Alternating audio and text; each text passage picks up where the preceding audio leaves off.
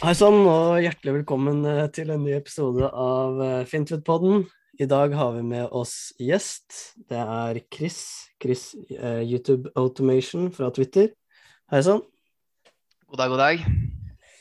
Og i dag er det host eh, Leo fra Fintwood-podden og eh, Håkon. Uh, ja, vi kan jo starte litt med uh, hvorfor du startet med YouTube, og når eventuelt. Eh, Det hele starta med at jeg var på utkikk etter en side hustle som kunne generere noen tusenlapper ekstra i måneden ved siden av den vanlige, kall det 9-5-jobben, da. Uh, og titta jo innom egentlig alt. Uh, dropshipping, Amazon FBA, alle de standard side hustlene som blir prata om. Eh, og så kom jeg over Instagram theme pages, hvor, du, ja, hvor jeg begynte å legge ut motivasjonsquotes da, ved et bilde, liksom. Uh, og i den sammenheng så kom jeg over en tag som da var YouTube eller YouTube Automation eller noe i den duren, da, hvor en 21-åring fra USA tjener da alt fra seks til sjusifra dollarbeløp i måneden, da, og lurte på at dette her måtte jo være noe helt syke greier. Eh, og han solgte da også et kurs, Uh, og han posta jo da uh, tall fra videoer og fra kanaler og sånne ting, for å da bekrefte det han på en måte promoterte, da. Så jeg endte opp med å kjøpe kurset hans til eh, 600 dollar. Eh, og gikk gjennom det og starta da egen kanal. Dette var i 1. april i 2021. Det er ganske stor investering, altså 600 dollar, og så vet du ikke om du kommer til å klare det. Det er ganske mye å satse med en gang. Ja, det er jo det, men det er jo på en måte en, en risiko man, man, må ta da, hvis man vil forandre livet sitt, hvis jeg kan si det sånn. At hvis du skal niholde på pengene dine, ikke ville utvikle deg, ikke ville kjøpe kurs og sånne ting, da. Eh, det som egentlig fikk meg over dørstokken, var at du, hvis du vil kjøre en Lamborghini, så kan du ikke ta imot råd fra en som kjører en Toyota. Ikke sant? Du må på en måte ja, hva skal jeg si. Når jeg kjøpte kurset, da, så fikk jeg fjerna veldig mye støy av det som da lå ute på nettet fra før. Du fikk liksom presentert bang, bang, bang. Her er det som funker. Så det var jo Ja, 600 dollar, det var jo en mye En stor sum å gå ut med uten at jeg egentlig visste hva jeg gikk til. Men sett i etterkant nå, så har jeg jo kjøpt flere kurs, òg, jeg egentlig, med tanke på at jeg hele tida vil utvikle meg, da. Og så er kursa kan jo ta for seg forskjellige punkter som kanskje ikke Ja, som kan hjelpe meg litt mer, da.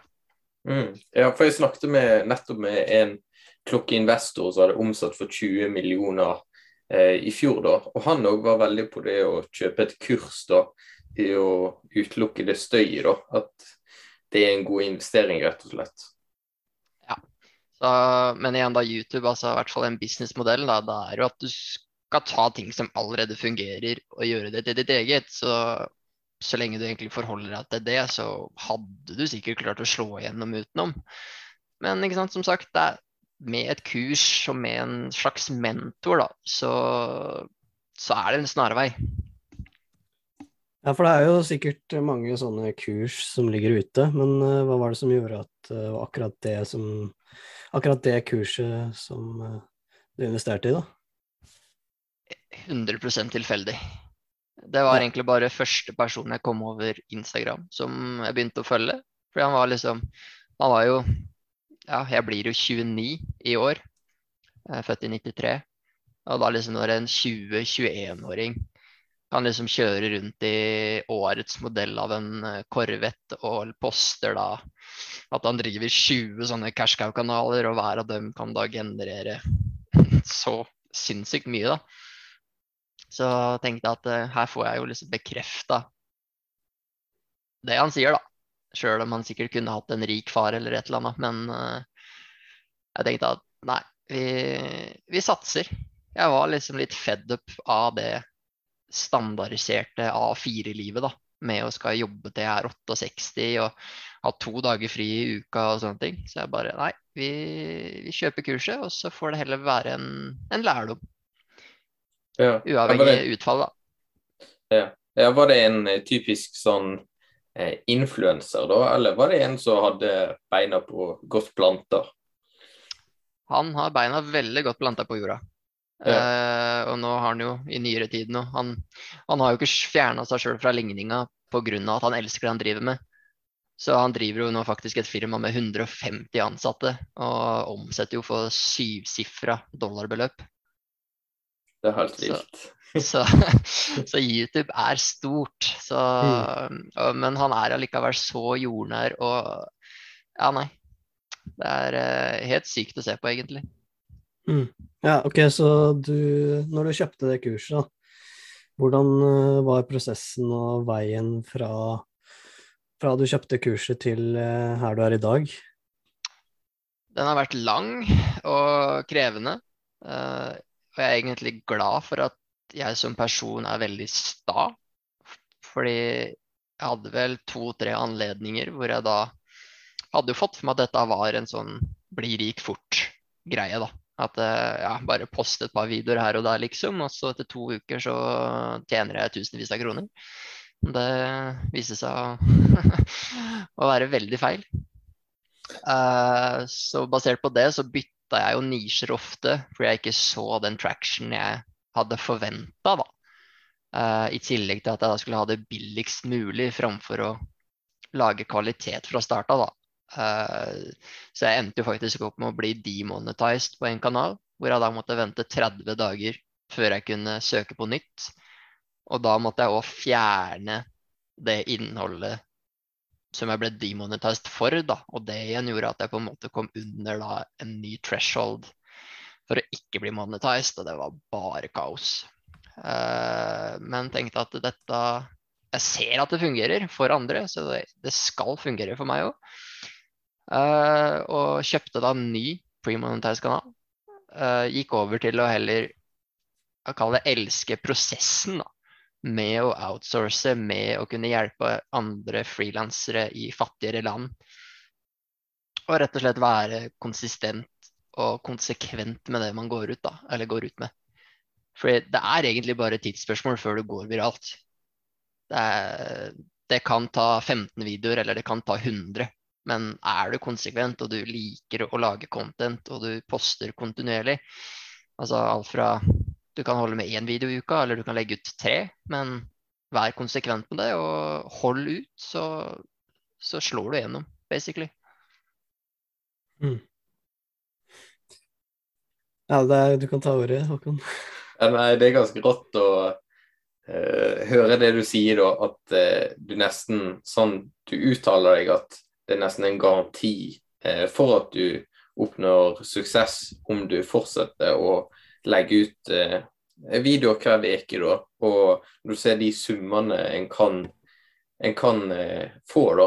Det er bare helt vanvittig at folk, flere ikke har øynene opp for dette. Ja, det er jo egentlig helt sykt. Altså, jeg var jo sjøl en konsumer av slike cash cow channels før. Eh, jeg visste jo ikke hva businessmodellen var, men tenkte jo at dette er noen som setter sammen ting og lager en fet video med, med stemmen sin og bakgrunnsmusikk, liksom. Og liksom det de driver med på hobbybasis, da. Men uh, jeg fikk ganske store øyne når jeg fant ut at det, det her er jo faktisk både million, om ikke milliard, milliard hva skal jeg si, milliardærbedrift, da. Eller en business. Mm. Og det liksom med å, med å være konsistent da, og poste og sånne ting altså De største i bransjen sier jo det at det, etter, etter rundt 30 videoer, da, hvis du ikke har begynt å få litt traction altså Alt avhenger av litt, hva man definerer som det. Men da bør du på en måte gå gjennom Analytics da, og se hva du på en måte eventuelt gjør feil, da. Eh, gå gjennom videoene. ok, Hvilken fikk best eh, click-through rate? Hvilken hadde best eh, view duration? Og på en måte se hva du gjorde for noe der, da. Og basically bare replikere det. Ja, for du har jo skapt en liten eh, bedrift nå. Eh, internasjonal bedrift, faktisk. Eh, hva er det kort, hva er det strategien egentlig går ut på? eh, min strategi videre, eller generelt Nei, business? Nei, generelt businessmodellen, da. Nei, altså det de sier da, det er at du skal ikke oppfinne hjulet på nytt. Du, du finner deg en nisje, og så, som jeg pleier å si til folk, at du helst skal ha interesse for sjøl. I hvert fall den første kanalen. Eh, jeg lærte i hvert fall det at når jeg valgte en nisje som sjøl interesserte meg, så hadde jeg òg mye lettere for å holde ut, fordi jeg sjøl lærte ting av videoene, på en måte, da. Eh, men basically, finn en nisje, research konkurrenter som da har under 100 000 subscribers. uh, gå inn på videoene deres siste 30 dager. Finn videoer som har gjort det bedre enn average. Og ta da lag din egen, og gjerne da bedre variant av den videoen. Og post den sjøl, liksom, da. Så det er basically det der. Finn konkurrenter, ta videoene, gjør det bedre. Så det, du trenger ikke å sitte og tenke etter hvilke innhold du skal lage, eller noen ting. Det er veldig rett fram, egentlig. Og så gjelder det vel å finne de riktige frilanserne også, da. Ikke minst. Det, Mm. det er som jeg sier, at frilanserne er egentlig den største jobben. Uh, nå har jeg funnet et system som fungerer for meg, men det er liksom det å få alle stega til å samhandle da, for at jeg skal frigjøre mest mulig av egen tid. Hvis jeg måtte aktivt gå inn hele tida for å endre på ting eller sånne ting, da, så ville jeg jo på en måte vært en ansatt sjøl, da. Kontra nå å bruke ti minutter på en video totalt, liksom. Og da inkluderer det finne innhold, passe på jobben frilanseren har gjort, og laste det opp. Mm. Så det Men igjen, da. Det er den mest krevende jobben, men det er den du får mest igjen for. Mm. Mm. Ja, for nå har du egentlig ganske lite jobb eh, per video. Altså, du snakker om ti minutter. Det er det at du finner innhold så de kan lage det, rett og slett. Ja, nå er jeg ganske etablert med den Elon Musk-kanalen min. og Jeg har jo da funnet på en måte konkurrenter jeg kan sammenligne meg med. Så jeg har òg en sånn deal med frilanserne at hver søndag så får de da betaling for hele den uka. Eh, for å igjen frigjøre mest mulig tid, ikke sant. Mest mulig med tanke på at nå er et AS i tillegg, da, med tanke på minst mulig bilag, da. Uh, så betaler de hver søndag, og da har jeg òg gått gjennom konkurrentene mine sine videoer og lasta på en måte opp de referansevideoene inn på Trello, da, som er den nettsida jeg bruker for å ivareta uh, strukturen min. Da. Uh, så ikke sant, da igjen, det tar ja, For å finne alle videoene som frilanserne skal ha, da, så kan jeg vel kanskje sitte kanskje en halvtime. Men da har de jo jobb for hele uka. Ja. Har du planer om å skalere opp kanalen, eller er det bare å fortsette å være konsekvent med den ene? Uh, nei, jeg kan vel si som så at jeg har uh, fire andre som jeg driver og bygger opp. Mm. uh, Clouet da er jo at avhengig av hvor mye kapital du har til å avse, eh, så vil jeg anbefale å starte med én.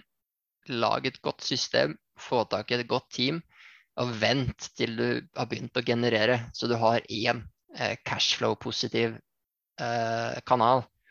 Da er det mye lettere å på en måte kunne reinvestere det, da, enn at du konstant tar av egen lomme. Jeg starta jo da 1.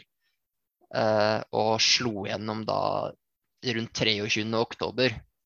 Eh, og mellom der da så hadde jeg brukt nærmere 30 000 av egen lomme. Og det Kan du legge i Nei, bare snakk du. Eh, så det begynte jo å tære på humør og sånne ting. Liksom bare 30 000. Altså, det kunne jeg brukt eh, på mye annet, liksom. Eller spart, eller gjort noe annet, da. Enn, at, enn å nesten se bare forsvinner. For jeg så jo ingenting, ikke sant. Det skjedde jo ingenting. Jeg fikk jo videoer i retur, men det skjedde jo ikke noe. Mm. Hva du legger i å slå gjennom? Var det antall visninger eller antall abonnenter? Uh, antall visninger, at jeg begynte å få traction. Uh, fun fact der er egentlig at jeg, etter at jeg gikk inn Fordi det var vel på sensommeren, så siste gangen hvor jeg vurderte om jeg skulle gi meg, så tenkte jeg at eh, sta som jeg er, at nei, jeg skal gjøre ett forsøk til. Jeg skal holde meg til én nisje. Jeg skal være konsekvent med å laste opp tre videoer i uka og sånne ting, da. Og da hadde jeg noen gamle videoer liggende fra oppstartsperioden, da. Eh, og det jeg egentlig gjorde der, var at jeg sletta dem fra kanalen, og så lasta jeg dem opp på nytt. Sånn at i YouTube sine øyne så ble det en ny video, da. Det er ikke bare en video som du har modifisert på nettsida, men når du laster den opp, så gjør det et eller annet med algoritmen om at de ser det på som en ny video.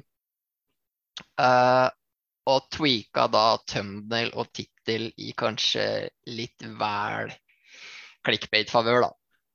Uh, og slo da igjennom.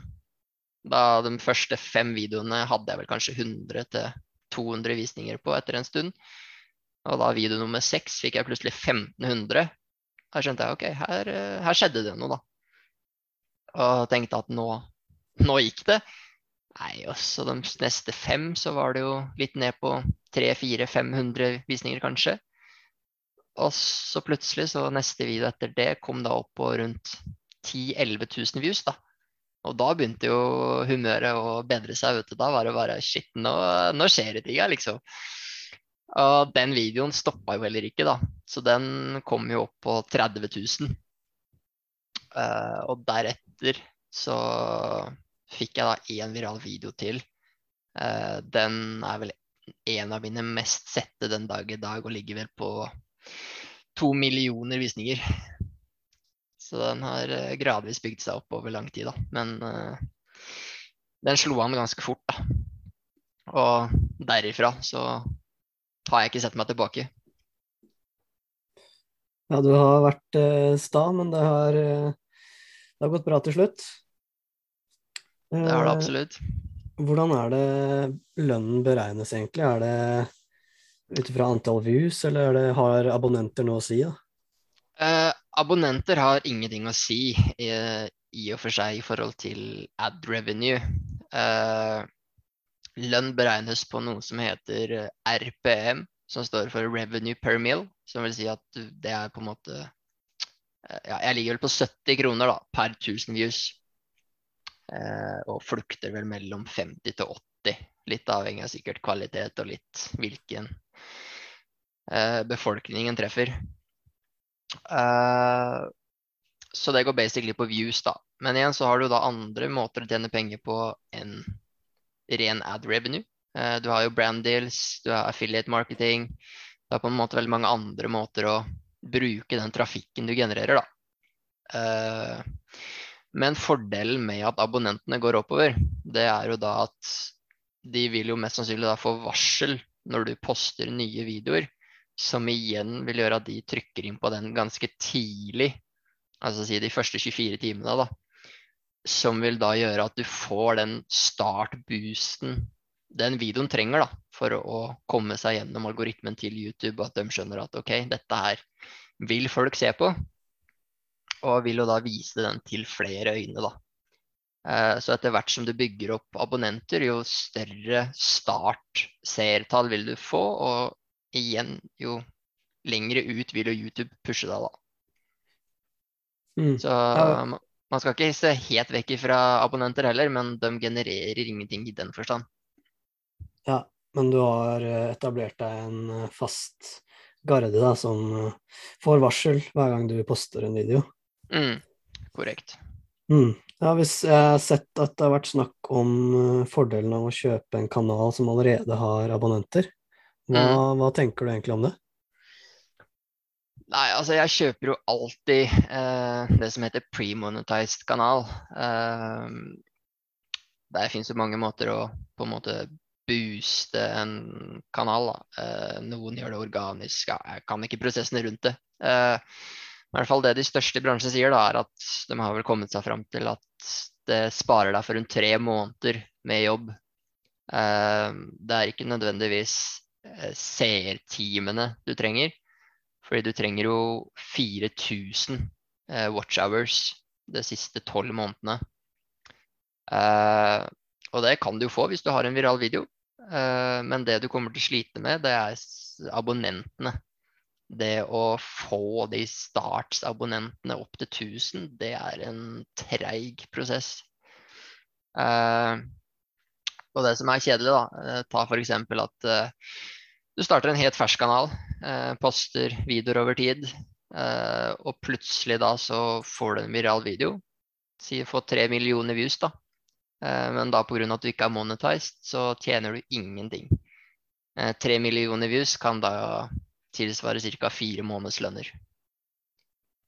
Liksom når du ser litt sånn på det, da, så tenker jeg at risikoen eller ja, verdien da, av å kjøpe en pre-monetized kanal til 200-250 dollar er veldig minimal, da. Uh, men det folk også må tenke på, er at sånne pre-monetized kanaler uh, Sjøl om du har 1000 abonnenter, eller 2000, eller ja uh, Så er det ikke nødvendigvis at det er aktive abonnenter. så jeg liker på en måte bare si at det er som å ha en fersk kanal, bare at du kan tjene fra første view. Uh, fordi mange har liksom spurt meg på Twitter DMs om liksom at, det, at de er redd for å bytte nisjer og redd for å miste abonnenter og, og sånne type ting. Da, liksom at de forventer å nesten få 1000 views på første video pga. det er antall abonnenter de har. Men uh, det er den måten de andre lager og skalerer kanaler på. Eh, så sånn i teorien så er det som en fersk kanal, bare at du da igjen kan generere fra første view du får, da. Ja, du jukser litt på en måte med å ja, ha litt startboost, så. Ja, eller ja du, ja. du, du, kommer deg rett inn i på en måte YouTube-partner eh, Eller blir en YouTube-partner, da, som gjør at du kan mm. bli monetized og tjene penger. Uh, fordi den første grinden med å bli det er ganske trøttsom. Uh, og så er det alltid litt kult da, at du ser at OK, du får ja, kanskje du får 1000 views da, på noen videoer, liksom, og så ser du OK, det her er liksom et par hundrelapper, da. Og liksom når du da allerede ser at det på en måte begynner å generere penger, da, så er motivasjonen der så mye mer enn hvis du liksom ja, slenger ut eh, sier jeg, da, som betaler rundt 5, 550 kroner per video. Liksom, pengene bare flyr ut av vinduet, liksom, og jeg ser ingenting i retur. Avhengig eller utenom views, da. Men det er liksom når du ser at ok, her begynner jeg liksom å få noen hundrelapper i retur, og da veit du at ok, nå er liksom prosessen i gang, da. Så det, det gjør i hvert fall motivasjonen min veldig mye bedre, da. Mm. Gjør du noe annerledes i prosessen med å poste videoer osv. i løpet av en uke enn ja, fra før i starten da, til uh, nå? da? Gjør du noe annerledes? Uh, annerledes Nei, man, man, begynner jo liksom å tweake litt og finner ut på en måte hvilke klokkeslett som passer best og sånne ting. Men det er jo egentlig veldig rett fram. Ehm, det eneste jeg på en måte nå har lært meg, da, eller endra på, er vel det å vite hva som er god clickbait. Hvis jeg kan kalle det clickbait, da. Uh, fordi du har jo på en måte god clickbait og dårlig clickbait. Uh, da kan du se fra at dårlig clickbait er at uh, tittelen din kan være liksom 'Hvordan tjene én million på en uke' med den sykeste thumbnailen, liksom. Og så kan innholdet være at du sitter og tegner. Det er liksom dårlig clickbait. Da har du lurt seerne dine til å på en måte tro at det er noe helt annet, da. Mens god clickbait, derimot, så kan jeg bare ta mitt som et eksempel da, med at jeg har uh, Elon Musk uh, revealed uh, a new Tesla model. Og så da har jeg som oftest bilde av Elon Musk fordi han er lett gjenkjennelig. Uh, kanskje to-tre ord. Men den bilmodellen, den er ikke nødvendigvis en Tesla-modell. Den kan være sci-fi, den kan være CGI, fanrender. Altså, den drar jeg gjerne litt langt, da, bare for å trigge på en måte den derre seerengasjementet engasjementet da, med at bare, shit, har han kommet med en sånn type bil, liksom, da.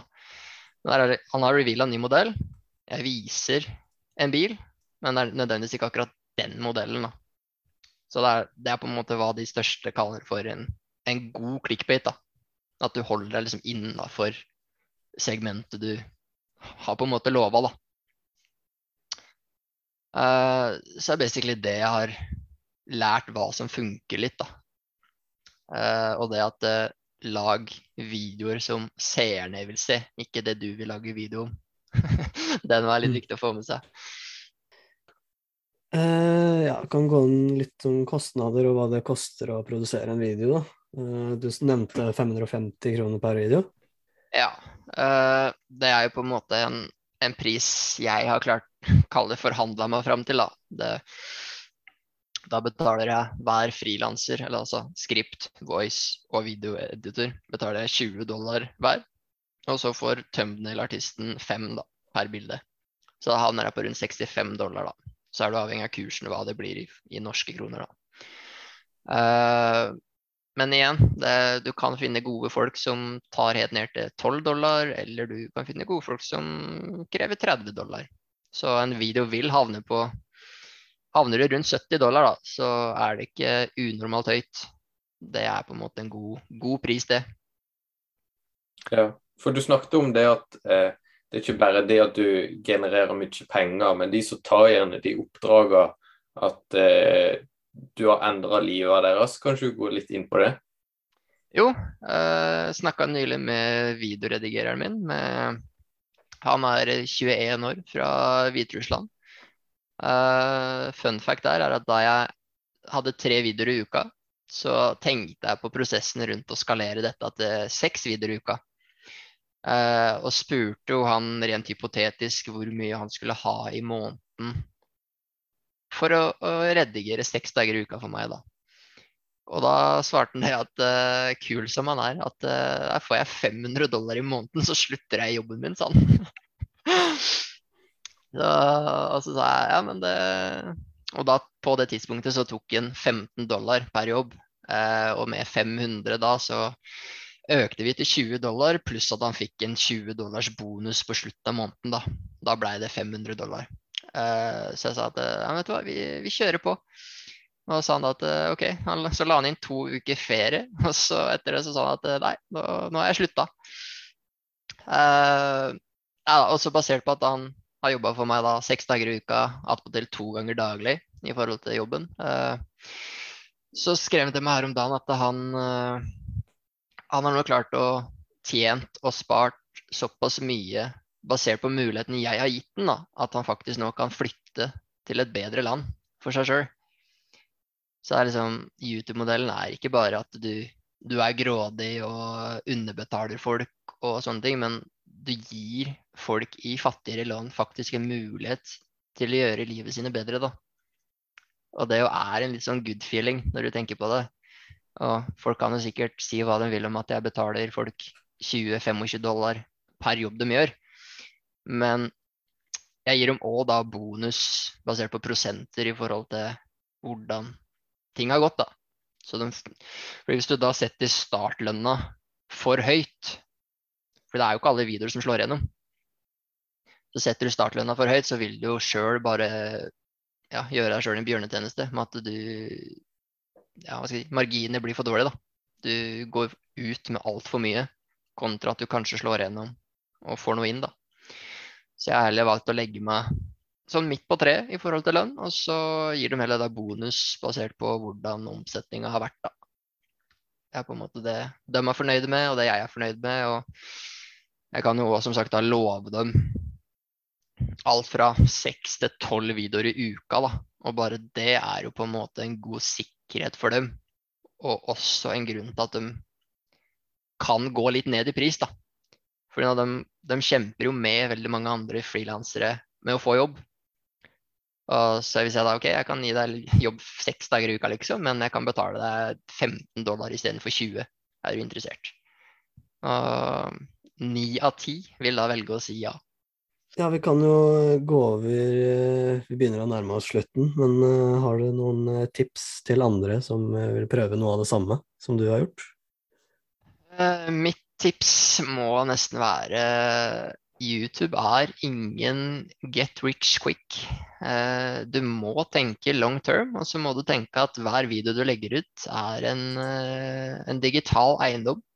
Eh, videoer som kan virke døde, kan plutselig etter tre måneder spike i været, som du aldri har sett maken til. Så fokus på å gjøre hver video bedre, altså fra du starter til du trasker veien videre. Altså se hva som funker, se hva som ikke funker, og kjør dobbelt med det som funker, rett og slett. da. Uh, så sjøl om folk kan poste mye om inntjening og penger og sånne ting, men hvis det er det eneste motivet du har, da, eller motivasjonen du har for å starte YouTube, så kan jeg egentlig bare si nå at uh, finn deg noe annet og bruk tida di på. Uh, det som har redda meg, er, er å, at jeg forelska meg i prosessen rundt dette. da, Med å ansette frilansere i andre land, skape en business. Og ikke bare slenge ut en video og få penger i retur. For det er faktisk ikke sånn eh, bransjen er, sjøl om det kan virke sånn. Uh, alle som promoterer noe eller legger ut på sosiale medier, viser så å si bare eh, solskinnshistoriene, da men ikke alle timene og all researchen og frustrasjonen og skrikinga og you name it som ligger bak, da. Uh, og siste er vel egentlig å ikke overkomplisere businessmodellen jeg snakker om, som er YouTube automation. Uh, du skal finne deg en nisje. Skal du finne konkurrenter under 100 000 subs, uh, så skal du ta de videoene som har gjort det bedre enn gjennomsnittet de siste 30 dagene. Og gjøre disse til dine egne, men enda bedre. Eh, og derfor jeg sier konkurrenter under 100 000 subscribers, det er for at da er kanalene såpass etablerte. De har en følgerskare som liker å se på videoene sine, så de vil få den Få de store viewsa uansett, nesten, da. Så det er eh, dumt å skal liksom sammenligne seg eller kjøre, kjøre det som en konkurrent, da. Uh, det er veldig mange som har spurt om akkurat hvorfor 100 000 subs. Så, altså, det er ikke noen sånn magisk grense der. Men uh, jeg har jo fått liksom, forespørsel på om folk kan lage videoer til det her, da. Og så har de uh, sendt meg en konkurrent som har tre millioner views, liksom. Eller nei, tre millioner subscribers. Og så har videoen fått uh, 600 000 views. Altså For den kanalen med 3 millioner subs, så er ikke 600 000 views mye. Men for en kanal på 30 000 subs, så er jo 600 000 en viral video. Så det er på en måte den sammenligninga folk må, må, ta, da. Så det du egentlig sier, da, min kanal med fire abonnenter og 24 visninger, det er egentlig ekstremt bra? Ja, du bør da finne deg konkurrenter i, i samme nisje med kanskje under 50 000 subs, da, og henge deg på hva de gjør, yeah. basically. Uh, for hvis du da finner uh, hotshoten i nisjen din, da, som kanskje har tre millioner subs, som klart, så dere er ikke på, i samme planet engang. Dere er i en annen galakse. Så det, du må på en måte sammenligne deg med de du kan sammenligne deg med. da. Uh, så er, prosessen er veldig Eller modellen er veldig lett. Uh, men igjen, det er en long term business. Uh, så Og man må ikke se pengene, men heller hva du utretter, eller hva du kan ende opp med. Da. For man må For å starte en business så må man bruke tid. Eh, men hvor man kan ende opp, er jo da helt fantastisk, da.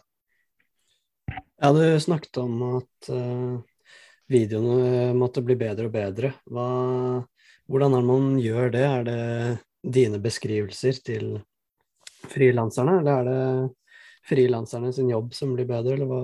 Uh, egentlig alle ledd. Uh, det starter med at for å holde på en viewer, så må i hvert fall de første 15 sekundene være top notch. Kanskje til og med de første 30 sekundene.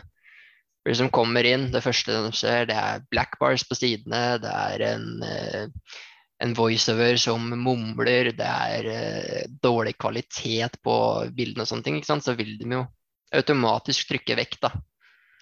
Men uh, klikker de inn på en video, uh, du kanskje gjenforteller i den introen hva tittelen er, liksom for å bekrefte hva videoen skal handle om, da. har da kanskje en energisk voiceover, har high, high quality bilder og videoer. At liksom hele greia er gjennomført, da. Uh, så vil viewerne òg liksom Shit, dette må jeg sitte og se, uh, se hva er, liksom, da.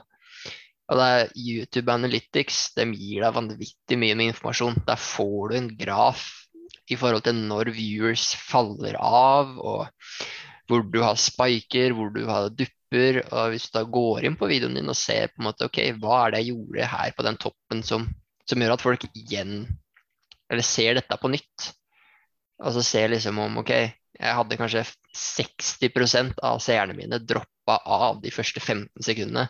Hva er det i introen som gjør at de ikke vil se på det her? Så YouTube gir deg egentlig alt du trenger for å kunne utvikle deg som en content creator. da.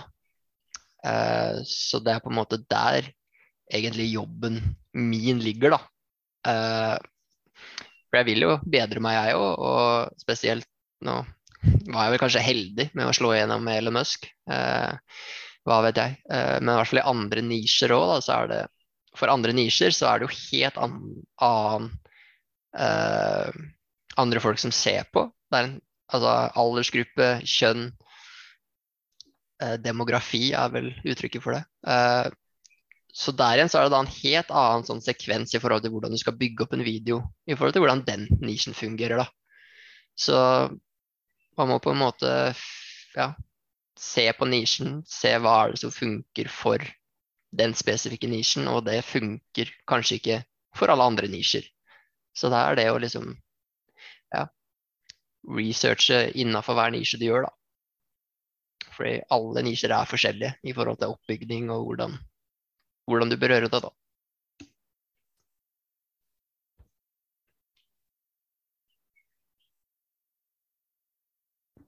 Er går det med mikken din? Med min? Ah, Nei, med... Beklager. um, ja. Uh, hva er det viktigste for å få en video opp og fram? Er det thumbnail og de 30 første sekundene, eller hva, hva tenker du? Ja, altså, en video kan være så bra du bare vil, men hvis thumbnailen og tittelen ikke gjør en seer interessert, så, så klikker de jo ikke på videoen din. Så først og fremst så er det nesten der jobben ligger aller mest at du lager nesten litt sånn spørrende tømnel eller titler. Da, med sånn derre uh, Seeren må liksom sitte med en sånn følelse med at Hæ, har det skjedd? Eller hæ, hva er det som skjer nå? De må liksom, det må være en sånn en hva skal jeg si, følelse med at de bare må finne ut av hva som skjer, da. Uh, så absolutt. Og det er det som er så sjukt med Som jeg ser så ofte i forhold til konkurrenter jeg researcher og sånne ting, og det er at videoen deres kan være veldig bra, men de har ikke helt skjønt tittel, thumbnail, komboen enda. Og det er så synd, for liksom, hadde de liksom gjort bedre kvalitet, gjort litt sånn med spørrende tømmende eller sånne ting, så hadde de liksom slått an, da. Men uh, det er nesten der folk legger ned minst tid men som da kanskje folk burde nesten brukt mest tid på, hvis du spør meg. Det er ikke bare å slumpe sammen en tittel og så hive den ut der. Det må være litt i forhold til keyword, litt i forhold til om det skal være en statement eller spørsmål. Uh, ja, det er liksom Hva skal jeg si Det ligger mye mer bak da, en tittel enn hva folk flest kanskje tror. Uh, ja, er... alt, alt, er jo en sånn der search engine optimization. Uh, så ja. Ja, det er litt som uh, mange businesser, da. Er, du må ha en uh, spennende og innbydende, et innbydende førsteinntrykk for å få publikum, og så må det være kvalitet for å holde på det publikummet, da. Så det er litt ganske likt uh, sånn sett, da. 100 uh, Skulle jeg si en ting, men glemte det. Uh, ja, det er sikkert ikke så viktig. Nei, men da kan vi gå litt videre. Vi begynner å nærme oss slutten. Uh, kan ta litt om fremtiden. Hva, hva er planen din fremover? Uh, planen min fremover nå Nå har jeg jo starta et AS og kommer jo til å reinvestere inntektene jeg får. Uh, det er jo helt sykt at jeg, at jeg ser de tallene jeg ser. Det som skulle generere et par tusenlapper ekstra til at jeg nå året etter kan faktisk slutte i fastjobben min for å satse fullt. Uh, så jeg har som sagt starta et AS og reinvesterer, kjøper andre kanaler, bygger opp da rett og slett en stor business etter hvert, da. Uh, planen min fremover nå i hvert fall er da at jeg skal ut i tre uker ferie, som da går rett over i en pappapermisjon. Og så har jeg snakka med arbeidsgiver og tar eh, retten min til et år utvida og ulønna pappaperm. Eh, og så har jeg òg informert om at jeg tar det jeg har krav på, men jeg kommer ikke tilbake til, til jobben, da. Eh, grunnen til at jeg velger å ta det utvida året, er eh, mest sannsynlig et boligbytte eh, neste år. Og da kan det være greit å vise til banken at eh, jeg fortsatt har fastlønn, da. Uh, så det er basically det. Nå, nå, er det ikke mange ukene igjen, det er vel ni uker til jeg får virkelig testa vannet med begge føtter og hoppa i det. Og jeg kjenner det er sånn Jeg grugleder meg litt. Det å ha jobba siden man var 13 liksom, med å selge VG og få den månedlige lønna til å nå kanskje ta et utbytte en gang i året da, på en kanskje litt mer heftigere sum, eller ja, litt mer i de baner, da.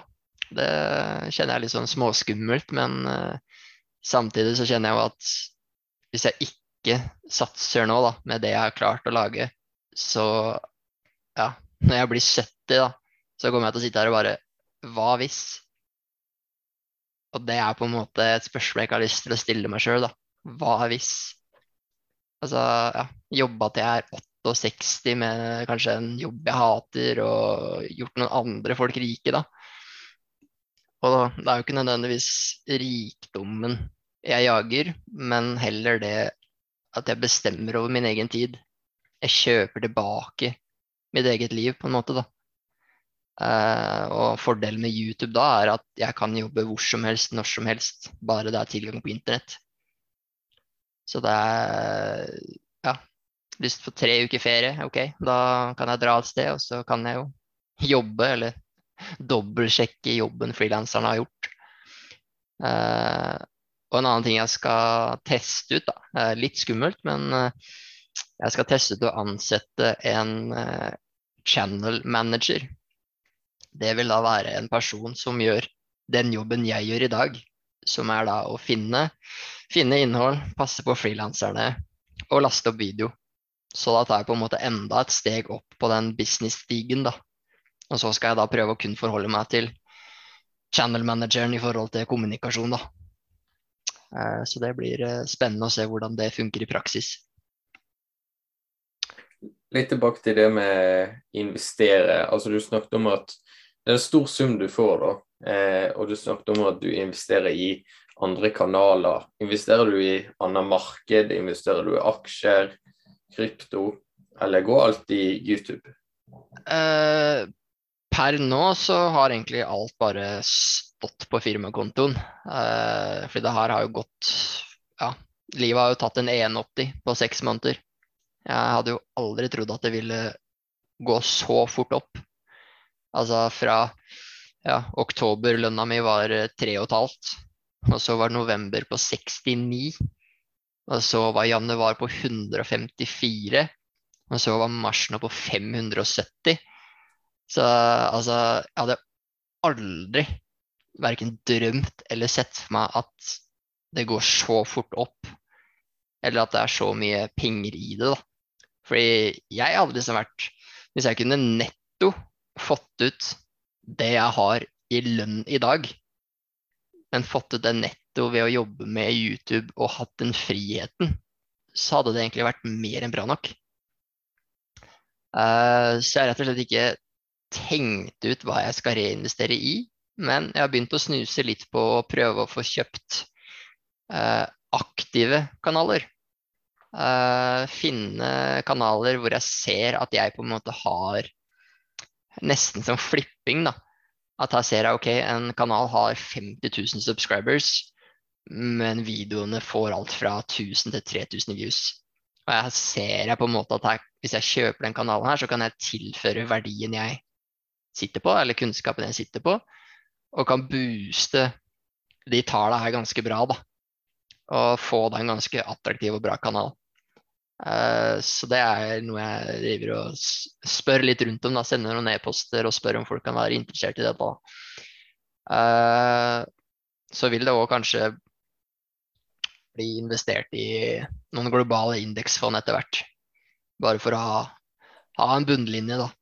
Det er liksom ikke så attraktivt å ha alt på en konto som nesten har null i rente. Så det handler bare om å få, få pengene i arbeid. ja, men det er uh, veldig kult at du har uh, fått det til, og enda mer interessant og lærerikt at du deler uh, erfaring og kompetanse med oss og lytterne. Jo, det er bare hyggelig, det. Jeg har ikke hørt om så mange andre norske som driver med det her, og det er sikkert derfor jeg får veldig mange spørsmål på Twitter med at dette er liksom veldig fjernt for mange.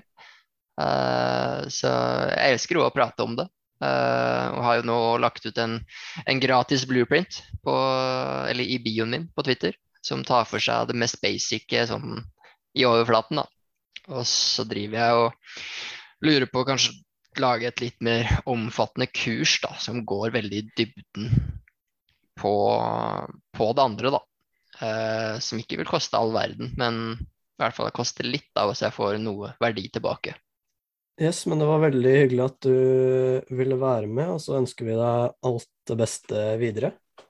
Jo, takk for det. Så ses vi på Twitter. Det gjør vi.